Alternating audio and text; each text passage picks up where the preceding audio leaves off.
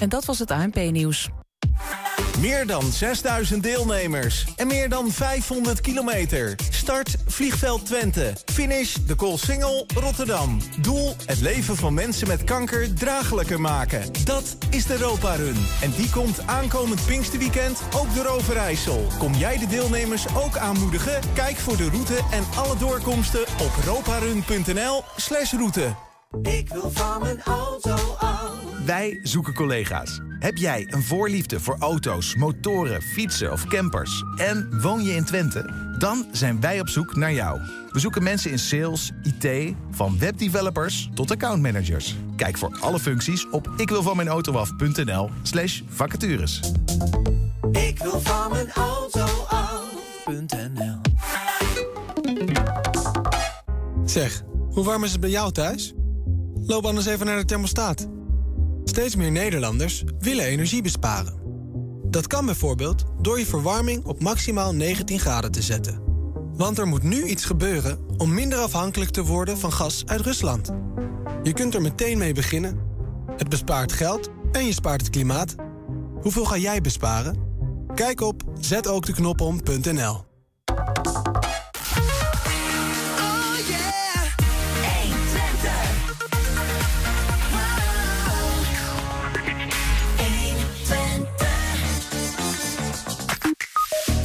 Enschede daagt de autoriteit persoonsgegevens voor de rechter om een megaboete voor wifi-tracking aan te vechten. En op vliegveld Twente wordt dit weekend voor het eerst een live opera uitgevoerd. Deze dagen wordt hard gewerkt om alle puntjes op de i te krijgen. Het Prins Bernhard plantsoen in Hengelo was afgelopen weekend het toneel van het BAM Festival. Na twee jaar kon het muziekevenement eindelijk weer eens doorgaan. En in een nieuwe Indepot Extra, een Twentse uitvinding uit 1800 en eentje van nu. En mag het ook de uitvinder zijn? Mag ook voor jou.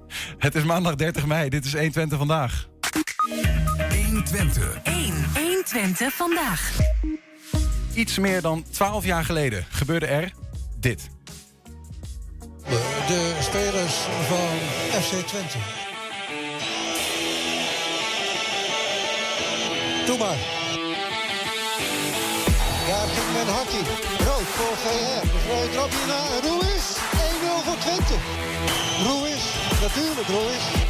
Toch. En het is toch raak. Vorig jaar tweede. Nu eerste. Onder leiding van Steve McLaren.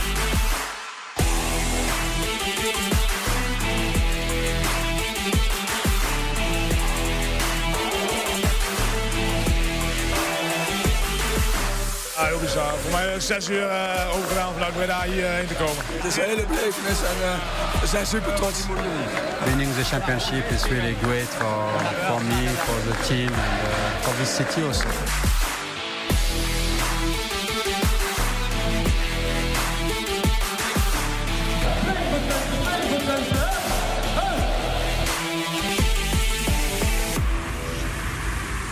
Ja, geweldig om zo weer eens terug te zien. FC Twente kroonde zich tot uh, absolute kampioen van Nederland, voetbalwaars gezien. En nu komen een aantal uh, hoofdrolspelers van weleer. Twee jaar later dan gepland terug naar Enschede om die prestatie te gaan herbeleven in het theater. En het initiatief daarvoor komt uh, van Eddy van der Leij, sportjournalist, schrijver, presentator en theatermaker toch ook wel. Eddy, welkom. Dankjewel, dankjewel. jouw voorstelling heet 10 jaar na de landstitel. Ja, het is inmiddels wel twaalf jaar na dato. Dat is een mooi rond getal, hè? Ja, daar, daar was het ook op geënt. Nee, ja, dat heeft natuurlijk alles te maken met corona. We hadden hem voor 13 mei 2020 hadden we hem in de agenda gezet. Ook wel een hele precaire datum, hè, omdat de vuurwerkramp dan ook uh, jubileerde tussen aanhalingstekens. Maar goed, dat is niet doorgegaan. Ook vorig jaar niet. En nu uh, was dit de best denkbare optie als data, zeg maar. En uh, ja, goed, dus doen we het nu. Hè? Maar de beleving zal er niet minder om zijn, hopen we. Nee, vast niet, vast niet. En we, we kunnen ons uh, voorstellen dat we gewoon twee jaar geleden waren. Althans, misschien is het ook wel hoe, hoe meer uh, zo'n landstitel weg is, ook, dat hij meer rijpt, ja, of niet? Ja, ja. Nee, je moet, het, je moet het positief, je moet het glas half vol uh, zien. En wat mij betreft loopt het over. Dat zal ook morgenavond wel gebeuren qua beleving, denk ik. Maar nee, ik bedoel, dat, dat, hè, we zagen net even wat beelden. Dat zijn iconische beelden, de terugrit, terugrit over de A1. Ik bedoel, of je nou een FC Twente supporter bent of een Ajax-fan... of voor Helmond Sport of voor PSV. Iedereen weet dat moment nog voor de voor je geestesvermogen te vertoveren, zeg maar. En eh, ja, dat, dat, dat is zo iconisch geworden in, in voetballen Nederland. Dat, eh, dat weet iedereen nog. Ga je dat ook doen eigenlijk morgen en overmorgenavond? Vooral die, dat moment terughalen. Ja, Waar was ja, jij? Wat ja. weet je nog? Of... Ja, nee, nee, dat niet. Maar de, eh, die mensen die daar op het theaterpodium staan, die waren er allemaal bij. Dus je hoeft dat niet te vragen, want die waren er al bij. Hè. Dat waren al spelers. Eh, Er zit een trainer bij, dat zal ik misschien zo nog uitleggen. Maar ehm, ik neem de mensen, en die mensen dus ook, neem ik mee op een, eh, op, op een avontuurlijke reis door dat jaar. En vooral door de climax van dat jaar. Dat zijn dus de laatste weken. En natuurlijk eh, het voetbaltechnische orgasme op, op, die, op die dag, 2 mei 2020. En, en de beleving eromheen. En ja, dat, dat, dat is alleen maar één grote kippenvel opwekkende gebeurtenis. Ja. Ja. Hoe lastig is het? Want ik begreep dat het draaiboek wat je had liggen eh, voor twee jaar geleden, eh, dat hij wel iets wat op de schop moest, omdat zekere personen die nogal een sleutelrol hebben gespeeld, ik noem een Steve McLaren, wat lastiger te vinden waren voor deze editie. Ja, ja, te vinden niet, maar wel eh, te regelen. Ja, dat bedoel ik. Eh, ja, Ja. En, en, en ja, dat heeft alles te maken met de, de, de verwikkelingen en de ontwikkelingen in de voetballerij. Hè? Want mensen krijgen weer andere banen. En ik had ze eigenlijk vastgelegd voor die, voor die 13 mei 2020. Toen zouden ze er allemaal zijn. Want het was kort daarvoor had ik. Ik en dat had ook te maken met, met de vrijheid die zij op dat moment hadden. En de, en de schema's eh, en wat iets meer zei. Alleen nu zit je in een andere range. En eh, als je bijvoorbeeld naar FC Twente kijkt, dat heel succesvol is geweest. En dat nu Europa ingaat en daardoor alweer op 14 ehm, juni terug moet zijn voor de eerste training. Of de eerste prikmomenten, eh, medisch gezien. Eh, ja, dat betekent dus dat, en al- als ze bijvoorbeeld play-offs hadden gespeeld, waren ze later ingestroomd, die spelers. Dus die moesten nu op vakantie, wilden ze nog iets van hun, hun vakantie maken. Dus Brama en Bosker, die zijn er dus niet bij. Niet eh, in fysieke zin, wel vanaf het beeld. Want we hebben met alle gasten die we hebben beloofd, hebben we ook filmpjes opgenomen natuurlijk. Hè? Dus die, die zijn wel degelijk aanwezig in de show. Maar dat weet jij dan pas eh, ook vrij laat. Want we, bedoelen, wist we ik, wisten allemaal ja. pas onlangs dat FC Twente. Europa in zou gaan. Twee weken geleden. En dan, dan eh, wat doe je dan? Dan pak je, want jij bent een soort van programma nemen. Ja, hoe makkelijk is dat voor jou om Heel daarin... makkelijk. Eh, ik ben het gewend om te anticiperen op situaties. En ik heb genoeg mooie gasten in de aanbieding om, om, om in die show te toveren, zeg maar. Mhm. Natuurlijk wil je het liefst dat, dat de, de, de aanvankelijk aangekondigde sterren van weleer... dat die allemaal aanwezig zijn. Maar dat is niet realistisch gebleken, helaas, vind ik ook.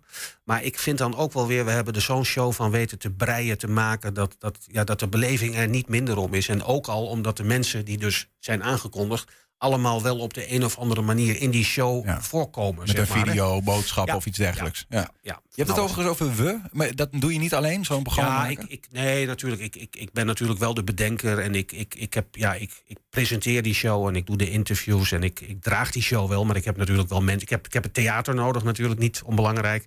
Ik heb een eh, technische man, Hans Reefman, die me helpt.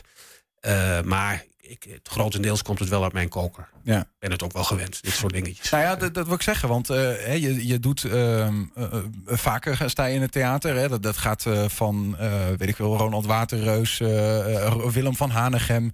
Eh, ik heb gezien dat je zelfs dingen met, met ijshockey eh, doet. Ja. Is het zo dat jij in principe, dat ik hier nu een willekeurige ehm, sportman, sportvrouw neer kan zetten... en dat je zo'n avondvullend programma hebt... wat gewoon ook echt leuk is om naar te kijken? Ja.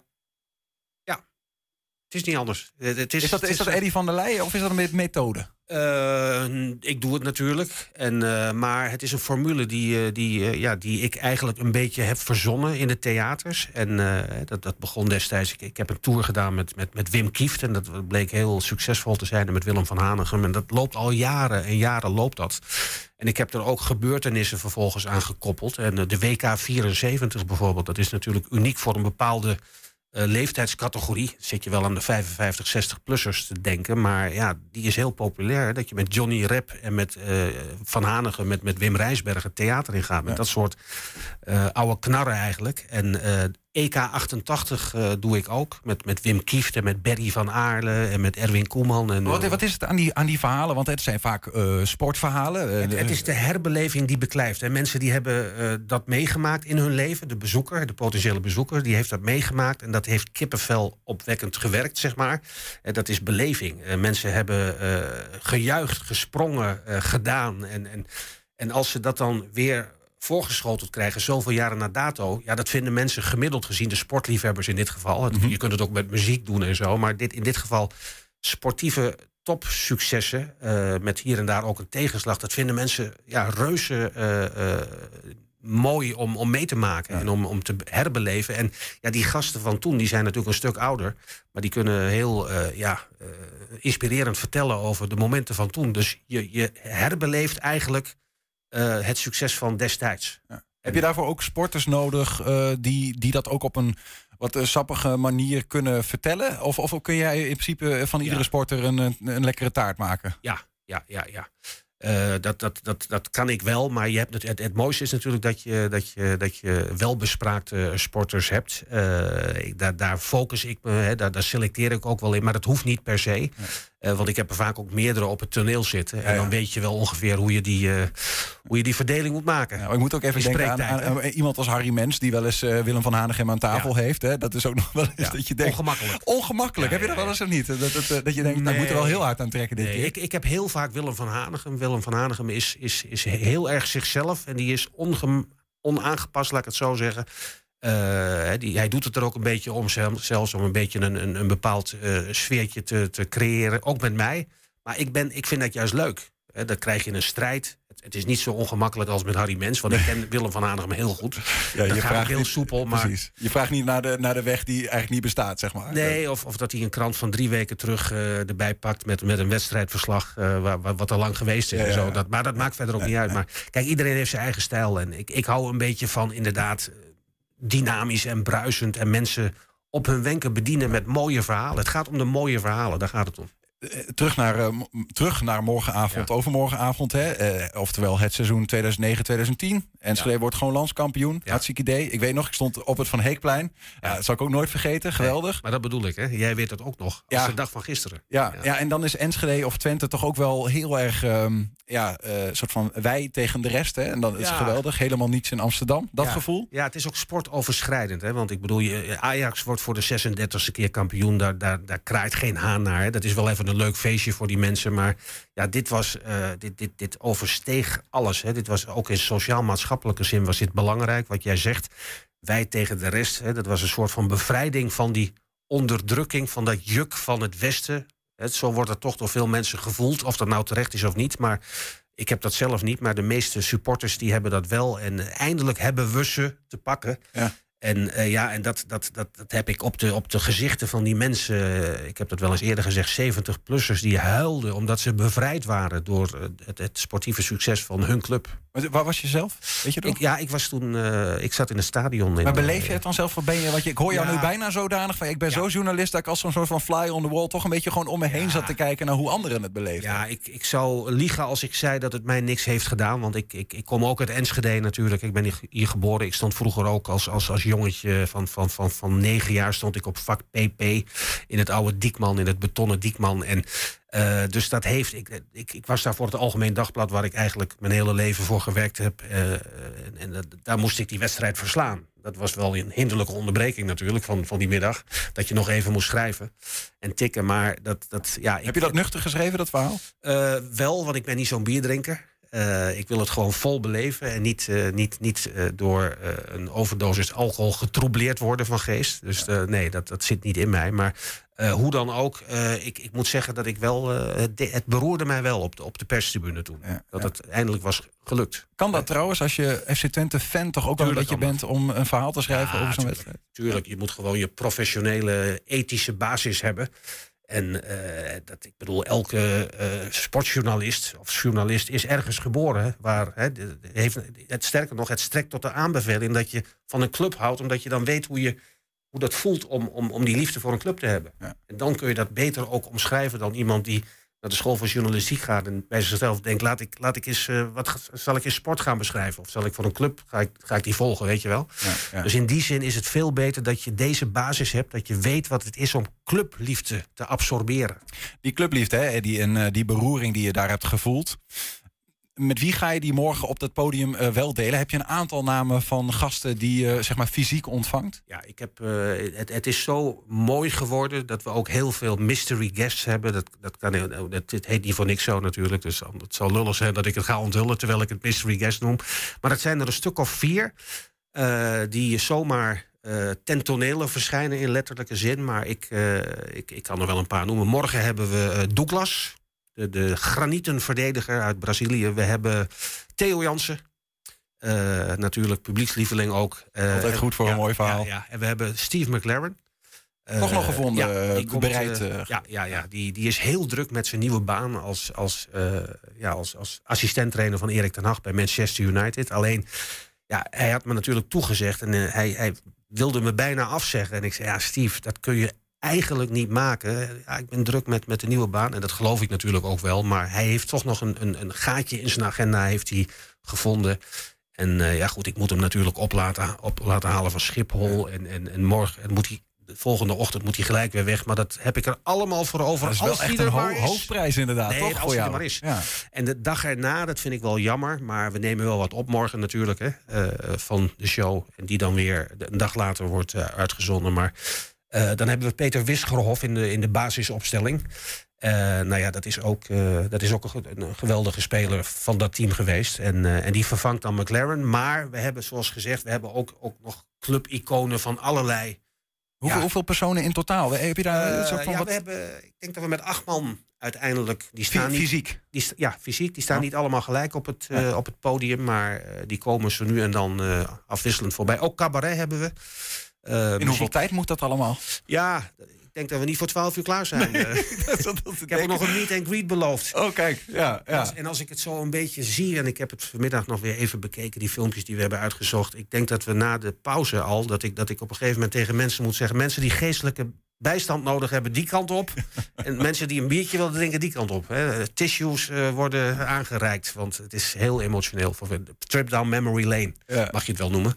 Maar eh, ja, hoe lang het gaat duren, eh, ik vrees dat het laat wordt. En het zijn dus ook echt wel twee verschillende avonden. Je zou bij wijze van morgen en overmorgen kunnen komen. Want de, gasten zijn al verschillend. of is dat altijd zo nee, bij wat nee. je doet? Nee, nee, nee. In dit geval geldt het maar voor één andere eh gast. hè. Ik bedoel, ik moet McLaren inwisselen voor eh Wiskerhof. Wie weet wat het met de dynamiek doet. Ja, dat, dat weet je nooit. Hè. Want ik weet überhaupt niet eh, hoe het gaat lopen. Want dat, dat moet je eerst afwachten natuurlijk. Maar dat het echt dat het een, een sentimental journey wordt... en dat mensen beroerd gaan worden. Ja, beroerd gaan worden in emotionele zin. Ja, daar ben ik van overtuigd. Joop Munsterman? Ja, die heb ik als eerste gevraagd, omdat hij de architect is van dit succes. En, eh, maar goed, die, eh, ja, die wilde niet meewerken. En die zei van, ik laat liever eh, de eer aan de spelers die het hebben gerealiseerd, het succes. En ja, nou, dat moet je accepteren, dat moet je begrijpen. En ik vind het wel jammer. Maar goed, het is, het is zo. Ik zal hem natuurlijk wel benoemen ook. En Ja. hij komt ook in de verhalen wel voorbij. Ja, want in, in principe, eh, ehm, ja, dat moet ik dan netjes zeggen, maar de, de- dat wat er daarna is gebeurd met Doyen en de, het hele in het, in het, ja, het schip ingaan van FC Twente, ehm, ja, dat, dat gebeurde allemaal daarna. Hè. Hij heeft eigenlijk feitelijk wel dit kampioenschap ook, is ook wel deels aan Munsterman te danken, toch?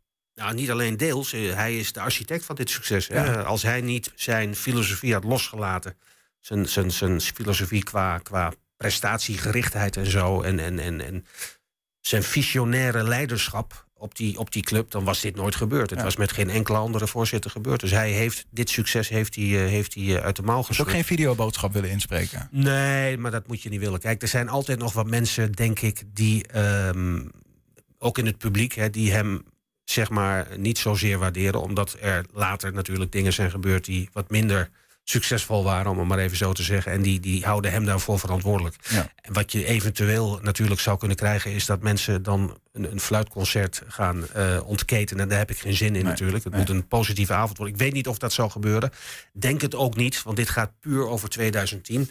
Maar misschien dat Joop dat wel eens in de achterhoofd had, dat het misschien niet voor, door iedereen eh, als zodanig eh, werd ontvangen. Nee. Positief, positief wordt ontvangen. Munsterman eh, is er, is er niet bij. eh, in gedachten misschien eh, wel, want hij is toch de architect. Ja. Hij ligt eronder. Er, er zijn heel veel mensen wel bij, je hebt ze genoemd. Waaronder Steve McLaren.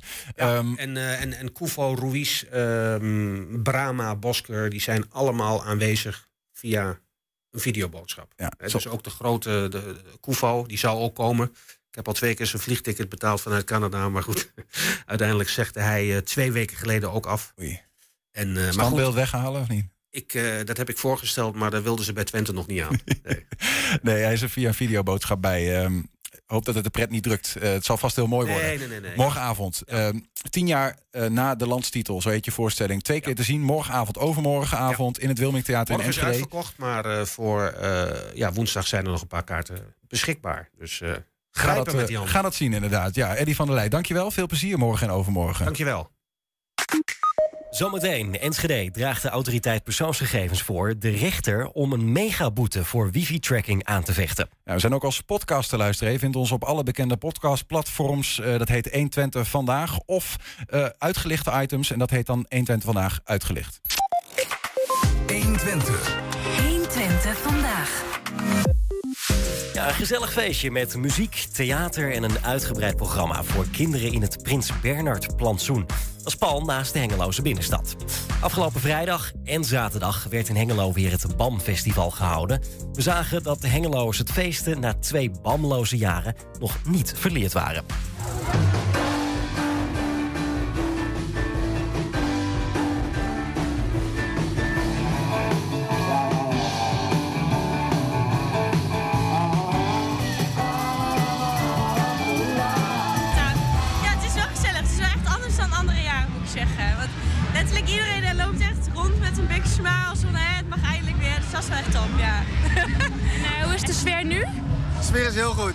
Ja, het is echt eh, mega druk hier.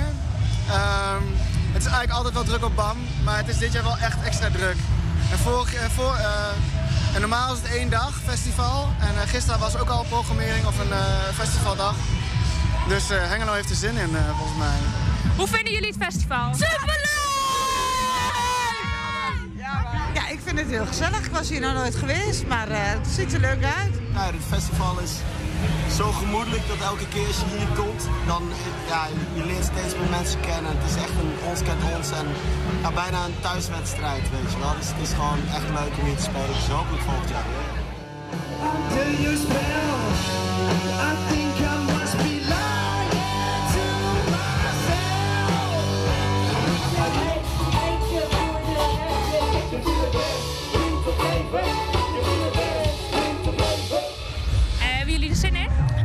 Veel zin in. Ja, zeker. Ook eh, leuk om weer. Ik woon in Den Haag. Dus ook heel leuk om eh, weer aan deze kant van het land te spelen. En eh, na twee jaar stilstand ook heel fijn om überhaupt weer te spelen. Ja, zeker.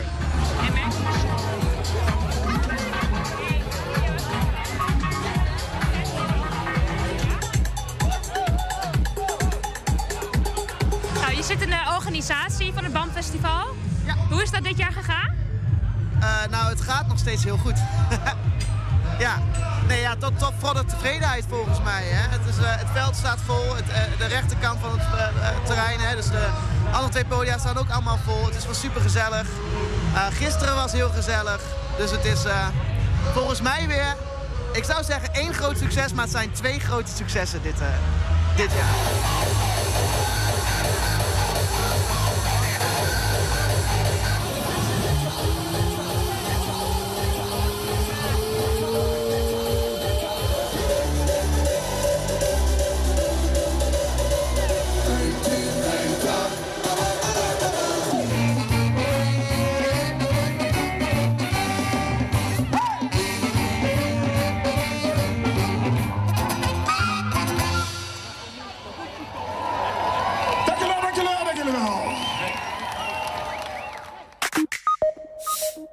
En eh, zometeen op Vliegveld Twente wordt eh, dit weekend voor het eerst een live opera uitgevoerd. Deze dagen wordt hard gewerkt om alle puntjes op de i te krijgen.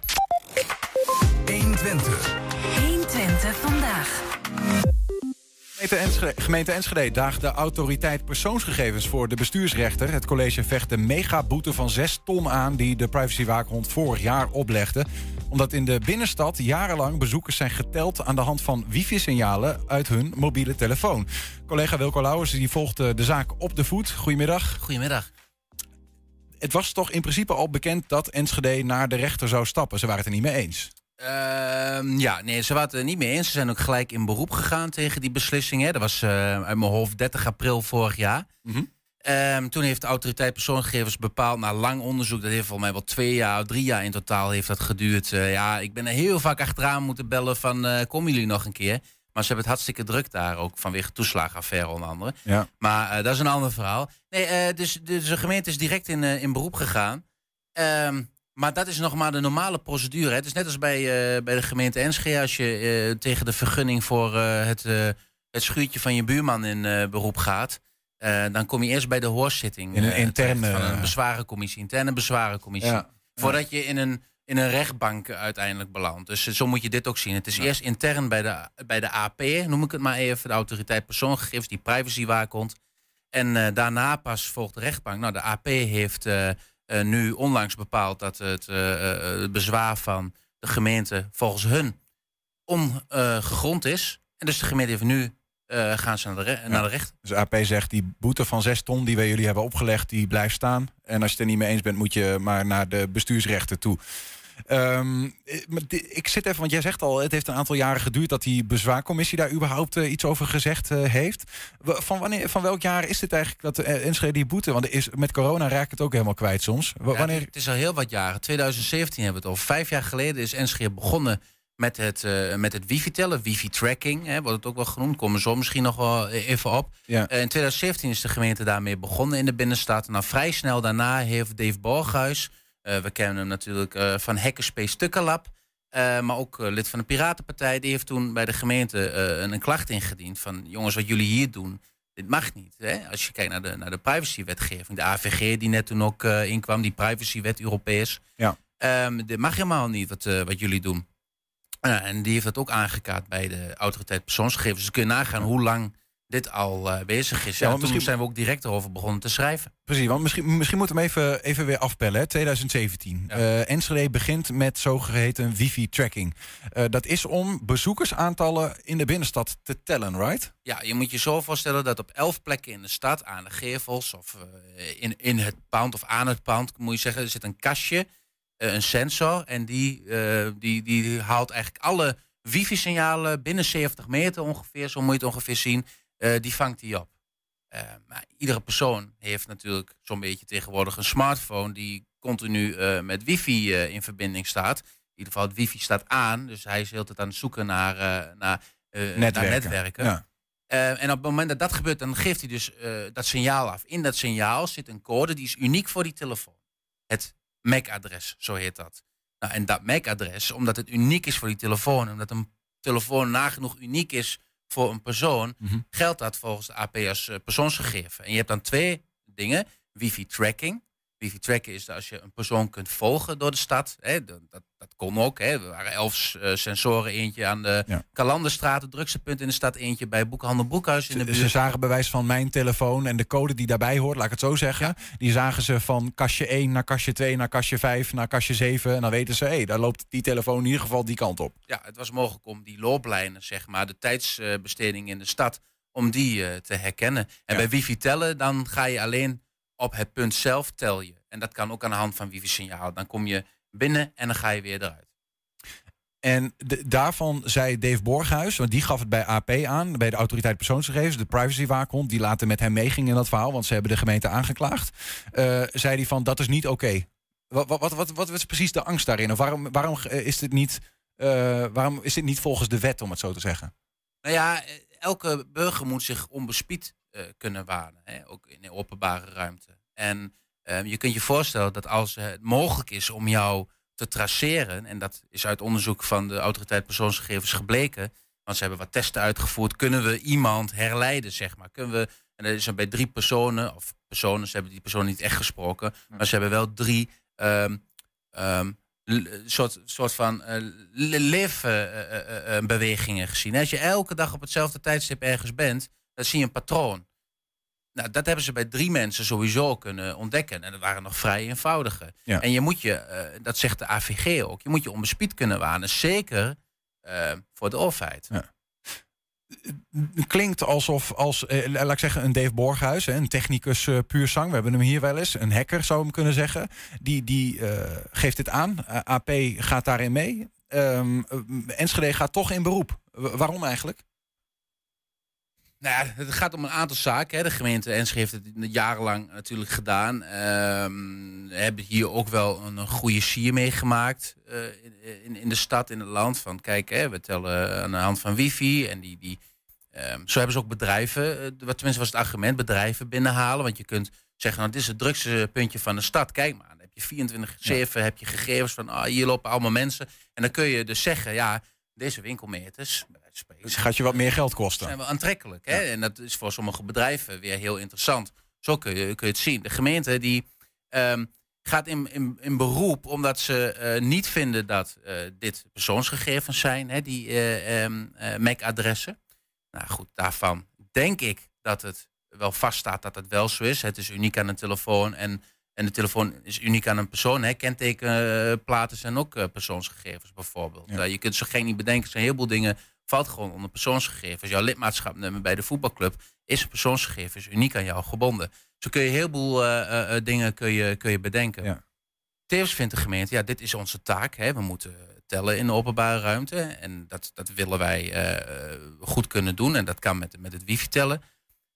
En ja, dat zijn eigenlijk de voornaamste punten, moet ik eigenlijk zeggen. Ze, Ja. ze, ze zeggen eigenlijk van wij vinden dat het nodig dat we dit toepassen. Ja. Ehm, Om bezoekersstromen te kunnen meten. Ook ja, goed, da- dat, toen wifi niet bestond, werd het ook gedaan, denk ik. Eh, Dus het kan ook analoog. Maar dat is wel, hè, dit is wel een geautomatiseerde manier die misschien wat sneller meer data oplevert. Dat kan ik me voorstellen. Ehm, en die eerste wat je zegt, dus van is het nou is, is, is het volgen van mijn eh, telefoon aan zich, ehm, is, dat, is mijn telefoon een persoonsgegeven of niet? Ehm, ja, dat is dus meer een soort van juridische verhandeling. Ik neem aan dat de gemeente dat eh, checkt in hoeverre het haalbaar is om zo'n rechtszaak te winnen. Ik zeg dat ook omdat, ehm, je, hebt- het zelf uitgezocht, de, gemeente heeft eh, naast die boete van 6 ton, als ze die moeten betalen, dit proces is ook heel duur. Ja. Ja, eh, in totaal heeft het wifi-tellen 250.000 euro eh, gekost tot nu toe. Eh, maar er zit de hele installatie van het systeem en alles bij in. 150.000 euro ervan zo ongeveer hè, ehm, zijn juridische kosten, nu al. En dan moet de rechtszaak moet nog komen. En er zijn al 150.000 euro aan juridische kosten. Als we, gaan, eh, als we ervan uitgaan dat eh MAC-adressen persoonsgegevens zijn, dus dat de gemeente, hè, dan ga ik even vooruitlopen op de zaak, maar dat is ook de conclusie van de AP. Ja. Ehm, het zijn persoonsgegevens. En dus de gemeente heeft in die zin persoonsgegevens gebruikt om, ehm, om, om, mensen te, te Ja. tellen. Dat had op een andere manier gekund. Door gewoon mensen eh, met eh, papiertjes eh, op de hoek van de straat te zetten. Daarvan uitgaan, dan kan die boete, het laagste boete op dat niveau is 525.000 euro. Dus, dus in die zin denk ik, ja, wat kan de gemeente nog halen? 75.000 euro minder. Dus zou ik kunnen zeggen, nou, de ernst van de zaak is misschien wat minder. Maar de gemeente gaat er natuurlijk vanuit dat het helemaal van tafel gaat, laat ik vooropstellen. Dus dat die persoonsgegevens die tellen, of dat de rechter zegt van ja, maar als overheid moet je dit kunnen. Dit valt onder jouw kentaken als overheid. Want dat is het belangrijkste misschien wel van deze hele zaak. Oké. Want eh, ik, ik zit net eh, me af te vragen, hè, nogmaals, als, als AP zelf denkt van hier zit wel echt een klacht in. Nou, dan moet je als gemeente wel sterk staan om dat te kunnen aan. Het staat, natuurlijk in je recht, maar jij denkt, er zit mogelijk meer achter. Dat ze denken van, nou, een bedrijf mag dit dan misschien niet kunnen. Maar wij vinden dat we als overheid het wel moeten kunnen. Ja, ja nou, een bedrijf mag dit inderdaad niet. Daar is ook al jurisprudentie over, zoals dat heet. Dat is gewoon een eh, uitspraak van de rechter van de Raad van State zelfs. Er is een bedrijf die heeft ook ooit ehm wifi-tellingen in Nederland uitgevoerd in de winkel, zeg maar. Dus dan kom je de winkel binnen en dan word je eigenlijk ook gevolgd. Je kunt het echt op microfoniveau kun je dat bijna doen. Hè? Door een goede sensor te plaatsen kun je eigenlijk al zien hoe lang iemand bij een bepaalde counter staat, bijvoorbeeld. Of en, en zo hebben ze eh, die, die, datzelfde systeem is dan in heel veel winkels in Nederland. En je kunt daar, ja, data is goud, zeggen ze wel eens, is het nieuwe goud. Maar je kunt er heel veel conclusies uit trekken. Zeker voor adverteerders, voor eh, andere partijen. Waar wil je staan in de winkel met je, met je telefoon bijvoorbeeld. Maar je kunt je nagaan dat het ook privacy technisch ehm, niet, niet eh, aan alle eisen voldoet. Nou, je kunt zeggen van een overheid die heeft bepaalde taken. En dat is het interessantste in deze zaak. Het is de proportionaliteit en zoals dat heet de subsidiariteit. Dus A is, is het nodig dat je dit doet? Mhm. Je En kunt het ook met een papieren briefje eventueel doen. En precies. En B, is een alternatief? Is het nodig? Is het nodig dat de gemeente ehm, eh, passantentellingen doet? Ja. Ja, dat kun je afvragen. Is dat nodig? Ja, je kunt, je kunt zeggen, de gemeente daar heeft daar belang uithalen, bij ja. om, om te weten hoeveel bezoekers in de stad zijn enzovoorts. Oké. Maar kun je dat op een andere manier doen? Ja, je kunt mensen gewoon eh, aan de hand van papiertjes. En dan zijn allemaal schattingen. Maar dat zijn ach- echt wel eh, eh, ehm, methodes voor, hè, telmethodes. Zo, zo doen ze dat al heel lang. Maar ook de kentekencamera's in de Van Heek garage leggen ook vast hoeveel auto's eh, in een garage komen. Daarin kun je ook weer ehm, verschillende conclusies trekken. Dus er zijn andere mogelijkheden. Je hoeft dit niet met die wifi-tellingen te doen. Ja. En, en dat is het heel interessante. Want je vraagt, wat is het belang hierachter? Nou, de AP heeft vorig jaar een heel kritisch rapport geschreven over smart cities. Enschede wil ook een smart city zijn. Hè? De slimme stad, de datagedreven stad, waar alles eh, wordt bepaald aan de hand van data, als het ware. Zit een privacy dingetje achter. Eh, De AP heeft gewaarschuwd van, als jij smart city wil zijn, zorg er dan voor dat één, dat het, wat je doet nodig is. Hè? Dat het, eh, bijvoorbeeld voor veiligheid, dan is het echt nodig. Als Mhm. je de veiligheid wil bewaren, dan is dat een goed argument om iets te doen. Om goede acquisitie te doen voor bedrijven. Ik weet niet of dat de kerntaak van de gemeente is, maar goed. En B, als je het dan doet, zijn er alternatieven. Dus doe, doe, gebruik die data, gebruik dat soort systemen en technologie alleen als het echt moet. En in dat eh, rapport wat je zegt van de autoriteit persoonsgegevens, van die privacy-waakhond, eh, wordt ook het, eh, de rechtszaak met Enschede wordt aangehaald. Hè? Ja. De wifi-tracking-zaak. Uitgerekend in de paragrafen die ik je net benoem, hè, van is het nodig en kan het anders? En, en daar wordt verwezen naar deze, naar deze ah, ja, uitspraak. Is het niet? Hè? Ja. Het is nog maar een, een, een boete. Maar wel het- ze zijn de handhaver ook, hè, autoriteit Ja. persoonsgegevens.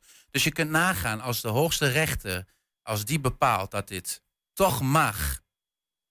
Ja, dat betekent dat ook wat voor de smart cities. Ja, ja. Kortom, ik of als zie, ik zie, mag, ik zie, betekent dat ook wat voor de ontwikkeling daarvan. Nou ja, ik Dus zie, ik zie denk dat voor dat, meer dat, kijkt. dat, die privacywaakhond die probeert zoveel mogelijk onze privacy te beschermen en eigenlijk te- de mogelijkheden van een gemeente daarin eh, echt terug te, terug te duwen.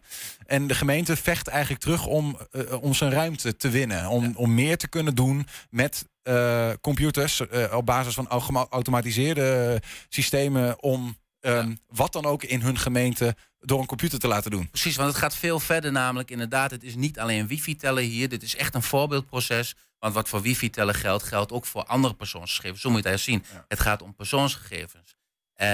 Hoe- dus als hoe- Enschede dat niet mag, mag een andere Maar hoe kom je daar zo bij? Is dat een gevoel wat je hebt? Of de- want want de- dat, dat het voor de gemeente om meer gaat dan alleen maar deze zaak? Nou, het is er vanaf het begin af aan. eh, Ik meen dat onder Van Veldhuizen dat ook wel in zijn eerste verklaring eh, heeft gezet. Die kon ik even niet zo snel vinden. Maar eh, dat dit een, een, een belangrijke zaak is. Hè? Ook voor, voor, voor heel Nederland. Want heel veel gemeenten maken gebruik van dat wifi-tellen. Zijn er inmiddels mee gestopt of hebben alternatieven gevonden. Maar het gaat, en dat is mijn gevoel, het gaat om veel meer dan wifi-tellen. hè. En dat, dat eh, leid ik af uit dat rapport van de, over de smart cities, waarin de AP zegt als je iets doet, en ook dit is een smart city eh, dingetje, hè, dus een technologie die je gebruikt om het leven aangenamer te maken, om het maar even heel breed te zeggen. Pas er dan voor op dat je niet dingen doet eh, die op een andere manier kunnen of helemaal niet nodig zijn. En Helder. dat je toch met persoonsgegevens Het, eh, eh, het is mij duidelijk geworden dat de zaak van wifi-trekken slash wifi-tellen in Enschede ehm, over meer gaat dan alleen dat. En dat het dus ook eh, interessant is om het eh, te blijven volgen. Ehm, sowieso gaat het om veel geld. Enschede is niet zo'n hele rijke stad. En de privacy, ton. en daar Dus staan veel mensen niet bij privacy. Ehm, wanneer, wanneer is deze zaak nou voor de rechter dan? Dat is nog niet bekend. Het kan nog wel heel lang duren überhaupt. Dat zo'n rechtszaak van begin tot eind helemaal... eh, eh, en je kunt nog in beroep en uiteindelijk bij de Raad van State nog komen. Dus het kan nog wel eh, twee jaar al met al duren. Ik, ik denk dat de gemeente bereid is om zo ver te gaan. Als ik, als ik zie wat, hoeveel moeite ze hierin hebben gestoken tot nu, ja. Hou ons op de hoogte. Wilco, dankjewel. Ja, gaan we doen. Straks een nieuwe In-Depot Extra met een Twentse uitvinder uit 1800 en eentje van nu. 1 Twente. 1. 1 Twente vandaag. En op Vliegveld Twente wordt aankomend Pinksterweekend voor het eerst een live opera uitgevoerd. Nou probeer ik het goed uit te spreken. Niels, correct me if I'm wrong. Eh Orphy en Uri, Eurydice. Orfe en Eurydice, denk ik, als ik mijn Griekslessen zo een beetje... eh, Nou, je hebt meer Grieks gehad dan ik in ieder geval. Eh, dat wat Niels zegt. De bewerking is eh, van een van de grootste liefdesmythes mythes uit de wereldgeschiedenis van de Duitse componist Gluck. Met ruim 100 spelers, zangers, muzici en dansers uit Enschede en ruime omstreken.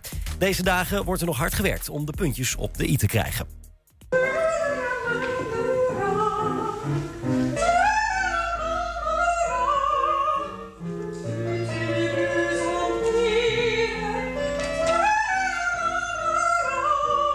Orfee en Eurydice. Orfee is de eh, de lieveling van de goden, muzikant. Hij vertelt hun heldendaden op de prachtigste melodieën.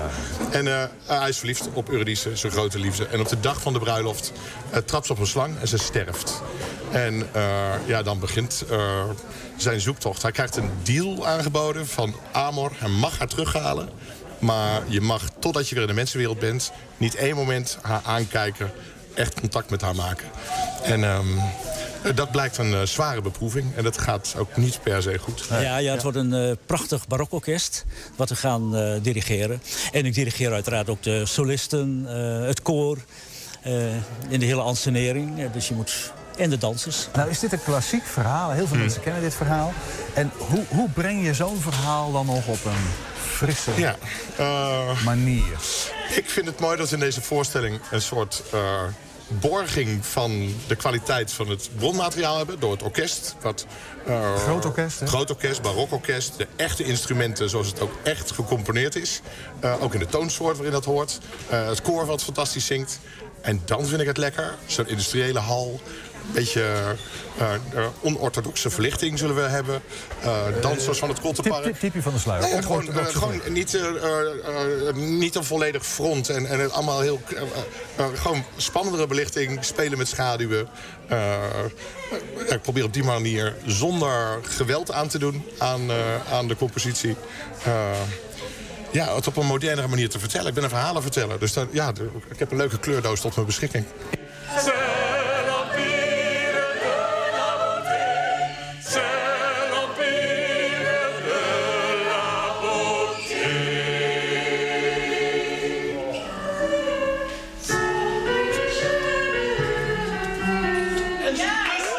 Er zit een heel koor bij. Ja, dat maakt het mooi. Hè? Dus, dus deze opera eh, heeft juist die, die mix van solisten en, en koor. En, die, en de koorleren, want dat is nog wel bijzonder. Normaal gesproken ex arte, dat zingt eh, nou, muziek van Bach of, of, andere componisten. Eh, maar nu moeten ze bewegen. Dus voor het eerst eh, moeten ze en zingen en bewegen. Dus dat is toch wel een, eh, een dingetje. En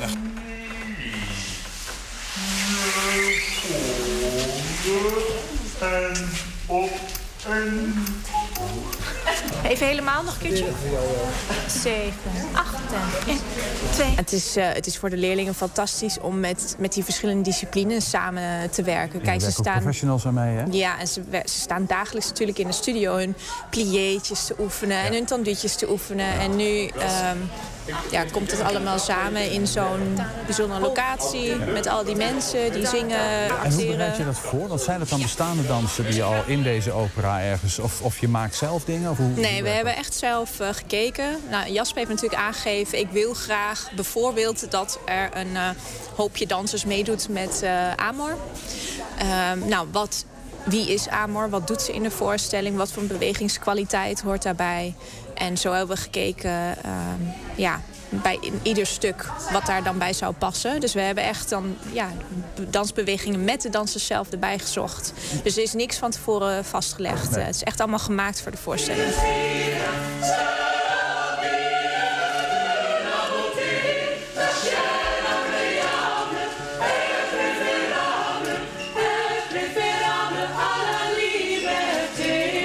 Eerst hebben we Engeltjes van eh, Amor.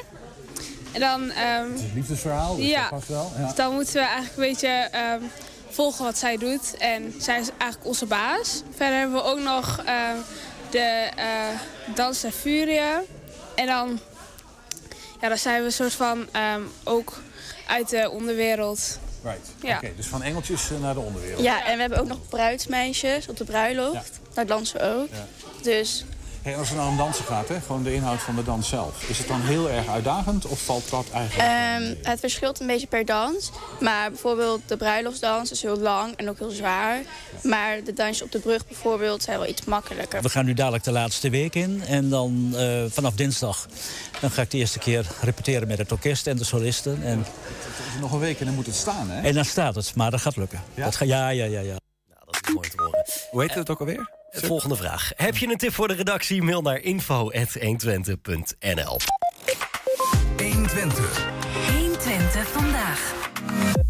Hij was bierbrouwer, textielfabrikant, sterrenkundige, maar vooral uitvinder of knutselaar, zoals hij het zelf uitdrukte. De Leonardo da Vinci van het 18e-eeuwse Twente. En Zijn naam Koenraad Terkuilen. Straks praten we met een eh, Enschedeze collega van hem, die in deze tijd uitvinder is, om te praten over het vak anno 2022. Maar eerst even kijken naar wat bijzondere vindingen van Terkuilen, die Ernst en Edwin opdoken in Depot.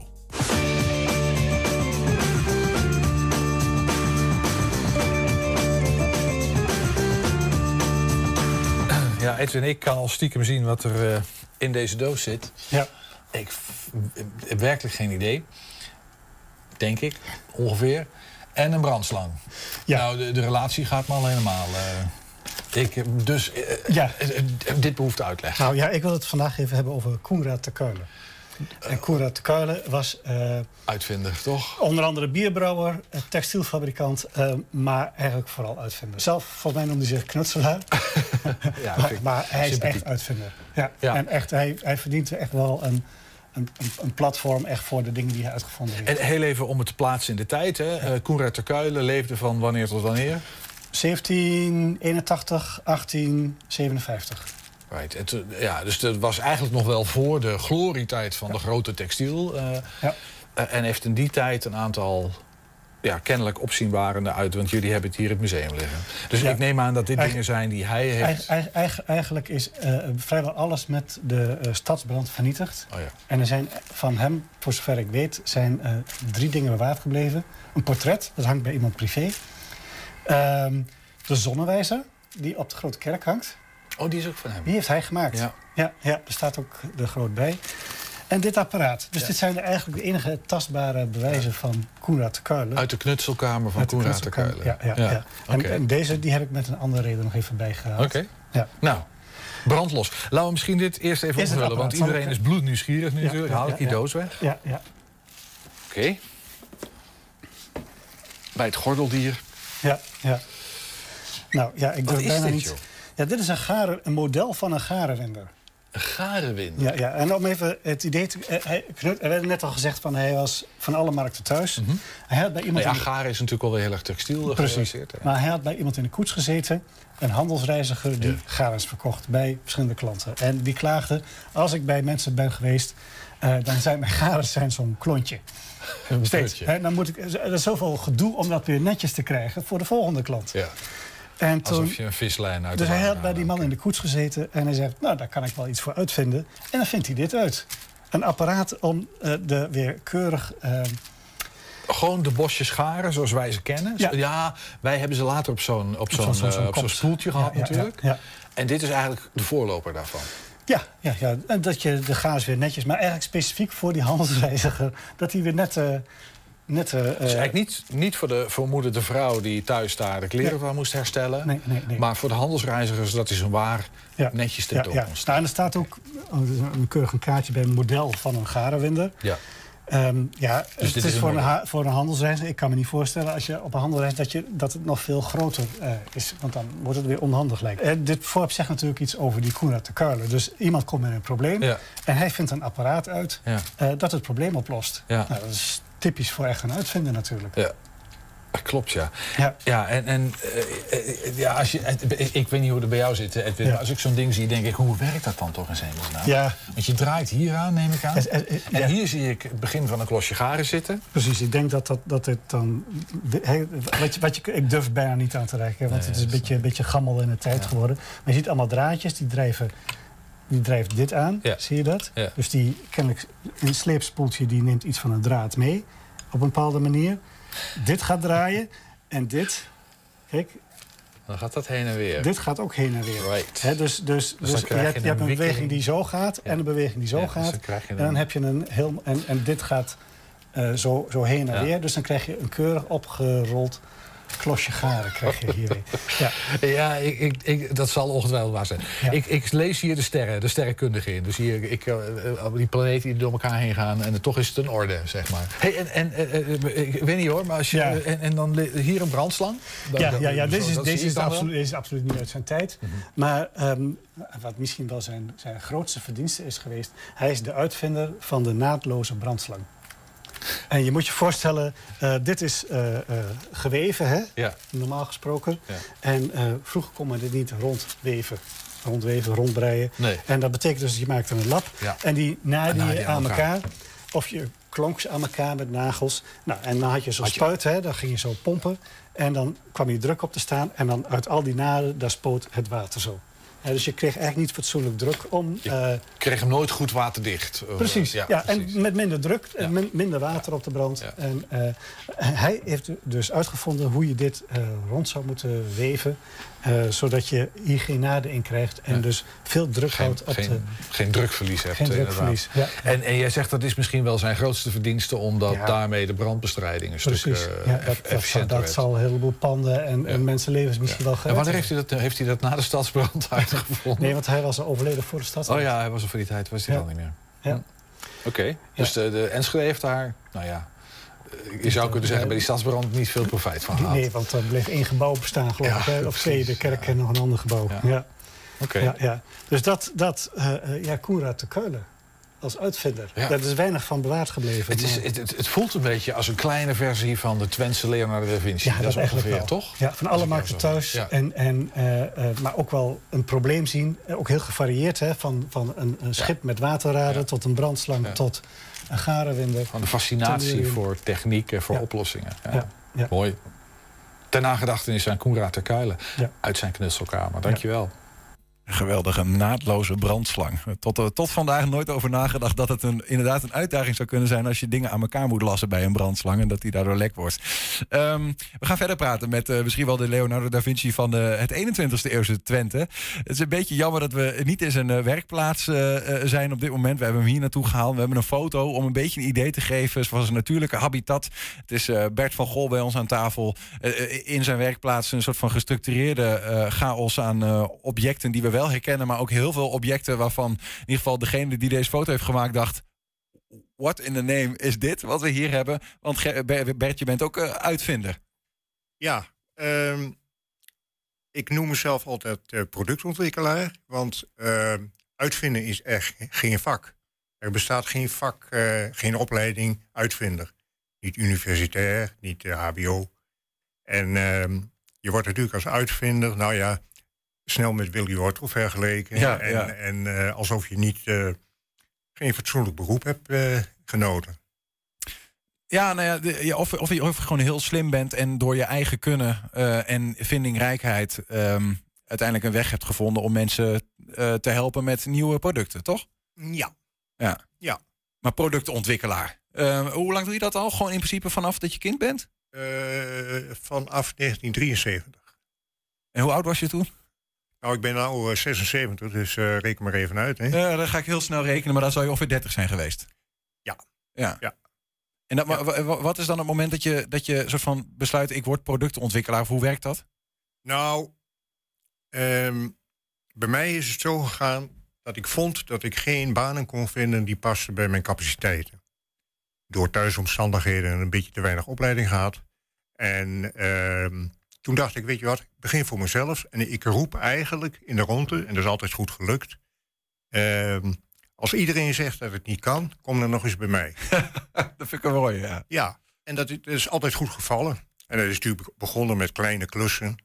eh, voor mensen die een bedrijfje begonnen. Ook inderdaad opwikkelen van... Ik, eh, ik weet nog dat ik voor tonselfolie ooit een apparaat heb gemaakt... dat niet bestond. En wat volgens mensen ook niet kon. Maar wel op basis van een vraag. Want bijvoorbeeld, hè, we zien in een video hè, dat eh, Koenraad de Kuilen in een koets zit. En daar zit iemand bij hem. En die zegt: Ik erger me dood aan garen die telkens in de verfomfight raken. En daarom vind ik die Koenraad eigenlijk ook meer een productontwikkelaar... maar dan een hele vroege, dan een uitvinder. Want hij gaat in op een vraag. Ja, en ik ben eigenlijk ook altijd ingegaan op een vraag... of in ieder geval een bestaand probleem. Een, een probleem dat werd mij werd meegedeeld, of dat mij duidelijk werd. Ja. En eh, een echte uitvinder trekt zich eigenlijk vaak in het begin helemaal niks aan van een vraag. Maar die heeft gewoon een briljant idee. En die wil dat voor zichzelf uitvoeren. Natuurlijk denkt hij wel in zijn achterhoofd, als het slaagt, Ja. dan is daar behoefte aan en dan kan ik daar eh, geld aan verdienen. Ja. Maar de echte pure uitvinders, nou, ik kijk bijvoorbeeld naar eh, Nikolai Tesla. Dat was een van de gro- mijn grootste voorbeelden van, van echte uitvinders. Ja, die was commercieel heel zwak. En die het interesseerde hem primair eigenlijk ook niet of daar behoefte aan was. Hij wil- hij wilde eerst eens laten zien dat het kon. En dan ging hij kijken, wat, Nou, kun, wat, wat kun je er eigenlijk mee, zeg maar? Ja, om een voorbeeld te noemen. Ik zag het laatst op eh, ehm, YouTube.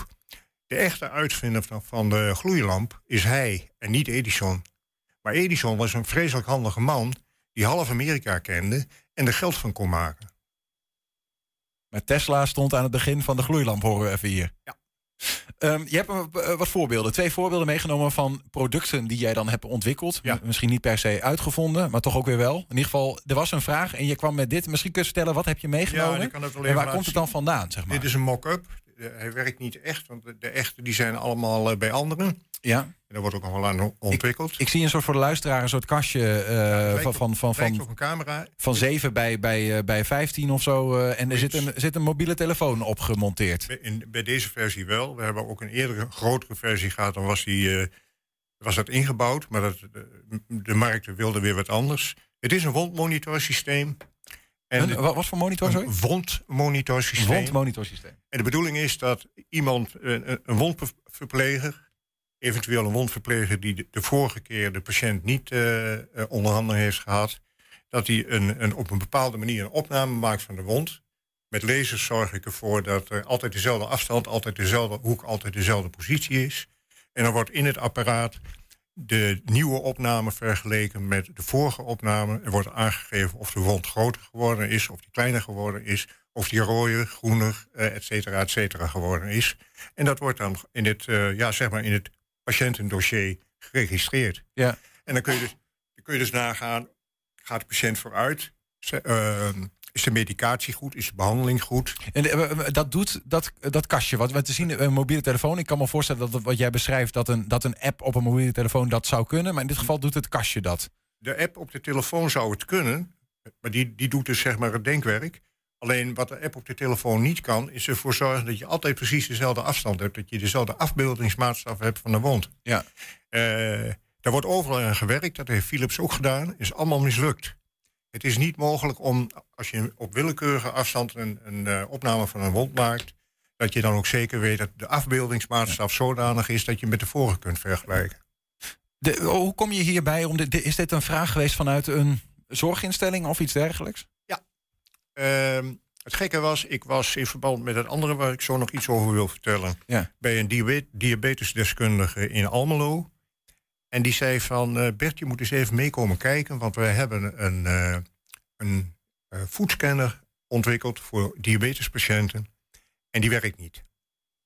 En ehm, nou, ik heb er naar gekeken. Ik zeg, nou ja, ik ga erover nadenken. Onderweg in de auto.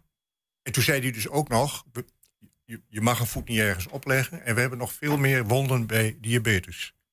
Onderweg in de auto dacht ik daarover na. En toen dacht ik van ja, eigenlijk, ik, ik, heb heel veel ervaring met machine vision. Dat betekent dus kijken naar onderdeeltjes op basis van videoopnamen. En dan kijken of er bij een tandwieltje een, eh, een tandje ontbreekt en zo. Dat is Mhm. allemaal in, in de industrie. Dus ik dacht van ja, maar een wond is eigenlijk niet anders dan een voorwerp. Dat verandert. En als je dat honderd keer fotografeert en je hoopt dat die iedere keer kleiner is, dan heb je het.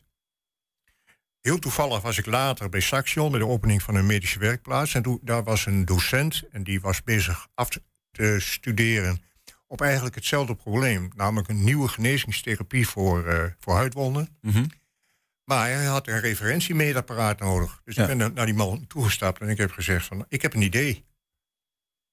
En toen is het, hebben we eigenlijk het volgende gedaan. Toen- Toen eh, is een subsidie aangevraagd. Zijn we gaan ontwikkelen. Eerst een gewone domme camera met losse lasers eraan. Toen een vrij groot apparaat, dat in het algemeen vrij te groot gevonden werd. Eh, en toen via deze naar een uiteindelijk nog kleinere, maar die is even niet in mijn bezit. Ja. Waar ook geen losse smartphone meer bij zit, maar wat gewoon alles ingebouwd is. Ja. En die praat gewoon via eh, wifi of, eh, of gsm met natuurlijk een centrale waar al die gegevens Bet- betekent dat jij feitelijk gewoon iemand bent die eh, met, met de ervaring die je hebt van, vanuit gewoon oh, toch wel een hele handige Harry zijn, zeg maar. Ja. Dat je een ideeënkanon bent. Dat je zegt van, van ja, ik zie een probleem. Nou, misschien helpt dit idee en ik ga, er, ik ga ermee aan de slag. Ja, ik stel het ze dan voor. Nou, en als ze een ja zeggen, dan ga je aan de slag. Ik ben geen softwareontwikkelaar, maar op mechanisch en optisch maak ik alles zelf. Ja. Dan maak je eerst een prototype. Dan gaan mensen daarmee naar het bed. En gaan dan kijken eh, of het werkt en of je er wat aan hebt. Ja. Daar raken dermatologen bij betrokken. Die vinden het allemaal prachtig. Want die kunnen over de schouder meekijken van, eh, ja, eigenlijk van al hun verplegers. Want zij hebben de eindverantwoordelijkheid. Het is ook heel interessant voor de thuiszorg. Want dan kun je in feite mensen met nauwelijks een wondopleiding naartoe sturen. Uh, en zeggen, ja, maak maar een opname. En vraag maar even snel wat ik moet doen. Ja. Je, je hebt nog iets meegenomen. Ja. De- daar ben ik ook nog wel benieuwd naar. Ja. Nou, ook dit is een mock-up, omdat alle werkenden die zijn eh, bij anderen op dit moment. Er is een uh, metabolisme sensor. Eh, de bedoeling van het ding is dat hij op de, oh, je snapt het wel, op de bovenarm gedragen wordt. Ja. Maar dan op de huid. En hij meet van de eh, gezondheidstoestand afgeleide stoffen. Eh, met speciale sensortechnologie. Ook dit is weer ontstaan omdat ik eh, ooit ben gevraagd mee te denken aan een, een, eh, een draadloze inrichting voor het monitoren van diabetespatiënten op, in open zorginstellingen. Mhm. Dat was, er waren voormalige Ericsson mensen. En die was voor een subsidieaanvraag. Die is door Brussel afgewezen. En ik bleef met het idee zitten van... ja, je moet eigenlijk diabetespatiënten non-invasief... dus zonder te prikken kunnen monitoren, continu. Dat is heel belangrijk. Dus ik ben heel de wereld ook weer afgeschraapt... om te kijken wat er op het gebied van non-invasieve eh, monitoring voor diabetes is. Nou, er is hier en daar wel wat, maar er is eigenlijk nog niks echt goed. Ook de hedendaagse freestyle libre is niet echt eh, non-invasief. Kortom, je, je weet ook je, je bronnen wel te vinden. Van oké, ik heb iets nodig wat Ja. is en zo. En dan ga je het internet op of iets dergelijks. Ja, met al die jaren heb je natuurlijk een geweldig netwerk eh, ontstaan. En eh, internet op. En ehm, gelijktijdig werd ik uitgenodigd door een club van een, spin-off van de universiteit. Die hadden een, een sensor ontwikkeld die zo gevoelig was dat ze er geen toepassing voor konden vinden. En ik weet nog goed dat ik, ik, ik was het met dat ene project bezig, was eigenlijk gestopt. Dat, dat, het non-invasief meten aan, aan diabetespatiënten. Mhm. Geen glucose overigens. En ik zat aan de andere kant met die vraag van die sensor. En ik wist, of ik hoorde ooit op een opening van een collega-bedrijf... zei een, een arts tegen mij, met een glaasje wijn in de hand... als ik bij een diabetespatiënt op de kamer kom... die een beetje richting hypo zit, dan ruik ik dat. Toen dacht ik, ruiken? Maar als je dat kunt ruiken, dan zijn dat aanzienlijke concentraties. Dan heeft hij een, een, een, een hoge eh, eh, suikergehalte, denk ik, hè? Dan of een, een laag suikergehalte. in Laag ieder geval suikergehalte. laag suikergehalte. Ja, dan ga je in de hypo en dan... ehm, eh, wat je in feite ruikt, wat in het algemeen wordt aangeduid als een fruitgeur... zeg maar een beetje, niet helemaal frisse meloen meer... Mhm. dat is heel simpel aceton. Dus ik ben dan met die sensor ook begonnen met aceton te meten. Ik doe dat al nu jaren in samenwerking met Saxion... en ook een beetje met de universiteit. En het is A, geschikt voor diabetespatiënten... Want wat je eigenlijk meet. eh, kijk, tot dusver wordt overal glucose gemeten. Ehm, maar je, er zijn heel veel gevallen, met name bij type 1 eh, patiënten. waarbij eigenlijk de glucosespiegel prima is. maar eigenlijk gewoon je spier- en orgaancellen aan het ja, uitvallen zijn. vanwege het feit dat die onvoldoende voeding krijgen. Mhm. En dat wordt juist gesignaleerd door eh, aceton. Ja. dus aceton uitstoten. En dat kun je met dit apparaatje onder meer... eh, aan de huid meten. Ja, We hebben ja. natuurlijk wel gedacht aan in de adem, maar dan krijg je dus een heel onhandig product met een slangetje in je mond of iets dergelijks. Ja. Dus ik ben van het begin, begin af aan, staat ook in mijn octrooi, ben ik uitgegaan van ruiken door de huid. Ja. Hoeveel, hoeveel, eh, eh, hoeveel producten heb jij ontwikkeld op basis van vragen die nu her en der in de wereld eh, gebruikt worden? Weinig. Ik heb eigenlijk pas de laatste acht, tien jaar ben ik meer op de patiënten- of consumentenproducten gaan zitten. En voor die tijd heb ik eigenlijk hoofdzakelijk one-offs gemaakt. Oftewel één ding voor een... een, een, een eh, Eén specifieke vraag. Voor één specifieke vraag. Ja, Soms ja. ook halve installaties. Ik, ik ben ooit gevraagd door eh, Littlefuse... uit eh, de, de grootste zekeringenfabrikant, smeltzekeringenfabrikant ter wereld. Een vestiging in, in Utrecht. Of ik een hele speciale zekering kon ontwikkelen. Die had een of andere prof daar bedacht. Waar ik nog steeds bevriend mee ben.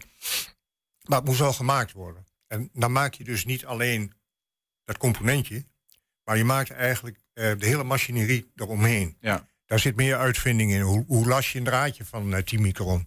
Eh, allemaal van dat soort dingen. ja. Maar dat resulteert dan uiteindelijk in, in een aantal stations.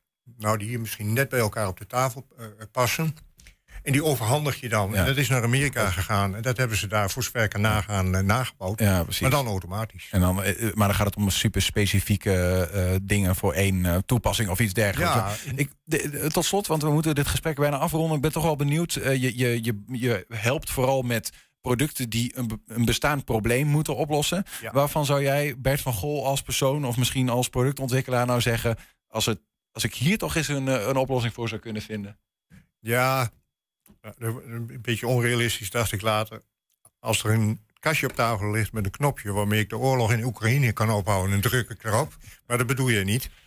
Ehm, nee, maar het zegt wel veel over, wat je, wat je, wat- over je antwoord. Dat sommige dingen opgelost kunnen worden met een product, maar dat sommige dingen ook gewoon eh, heel ingewikkeld en, en, en menselijke problemen zijn. Ehm, ik zou. eh, ja, wat droom ik van? Ehm, ik zou bijvoorbeeld graag meewerken aan een eh, elektrisch vervoermiddel. Dat betaalbaar is. Dat dus niet voor de jup is, maar dat gewoon iemand met een bijstandsuitkering zich elektrisch kan verplaatsen. Maar dan natuurlijk niet in een, in een rolstoel. Ja. Dat interesseert me wel. Ik vind het heel vervelend dat nu eigenlijk elektrische rijden alleen maar voor de nou, rijk en draagkracht is. Ja. Nou, staat genoteerd bij deze. En als eh, eh, meneer Tesla, die is er niet meer, maar meneer Musk meeluistert, dan, eh, nou ja, wie weet. Hè. Bert van Gol, dankjewel voor, Ja, eh, voor interessante verhalen en eh, voor producten. interessante uitvindingen die hier op tafel liggen. Producten die ontwikkeld zijn. Ontwikkelingen. Ja, precies. Bert van Gol, hoor je. Dank je. Tot zover 120 vandaag. Terugkijken, dat kan uiteraard direct via 120.nl en vanavond om 8 en 10 uur via televisie. Zometeen hier Henk Ketting met een nieuwe kettingreactie. Fijne avond en tot morgen. 120. Weet wat er speelt in Twente. Met nu het nieuws van 5 uur. Goedemiddag, ik ben René Postma. Rusland levert geen gas meer aan Nederland, maar dat heeft geen gevolgen. Gasbedrijf Gasterra heeft ergens anders gas ingekocht. Het Russische bedrijf Gazprom dreigde al met stopzetten als Nederland niet in roebels zou betalen, maar dat is Gasterra niet van plan. Ook andere landen krijgen daardoor geen Russisch gas meer. Spelersvakbond VVCS maakt zich zorgen over het toenemende geweld bij voetbalwedstrijden. Wat gisteren gebeurde bij het